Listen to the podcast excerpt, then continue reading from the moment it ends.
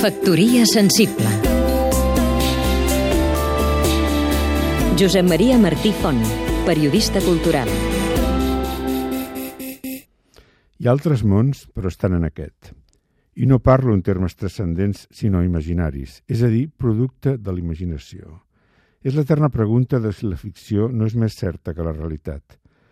Per comprovar-ho, només cal visitar l'exposició de l'escultor Sergi Aguilar a la Galeria Estrany de la Mota.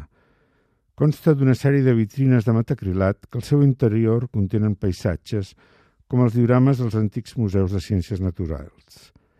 Desolats valls i dunes ardents que remeten a deserts que un creu reconèixer. Dibuixos, esquemes i altres objectes afegeixen informació o desvelen vagament allò que existeix darrere del paisatge. També hi ha signes ignots indesxifrables malgrat la seva aparença científica o documental.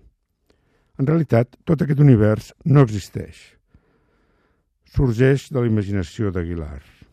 Però poc després entro en una llibreria i em dono de cara amb un llibre fascinant, l'Atlas de les Illes Remotes de l'Alemanya Judith Shalansky, que ha seleccionat 50 illes perdudes, totes de mida diminuta i bona part d'elles deshabitades, i en les que mai ha posat els peus ni pensa posar-los.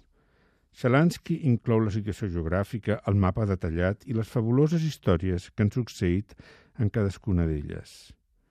Quina de les dues històries és més veritable? Factoria sensible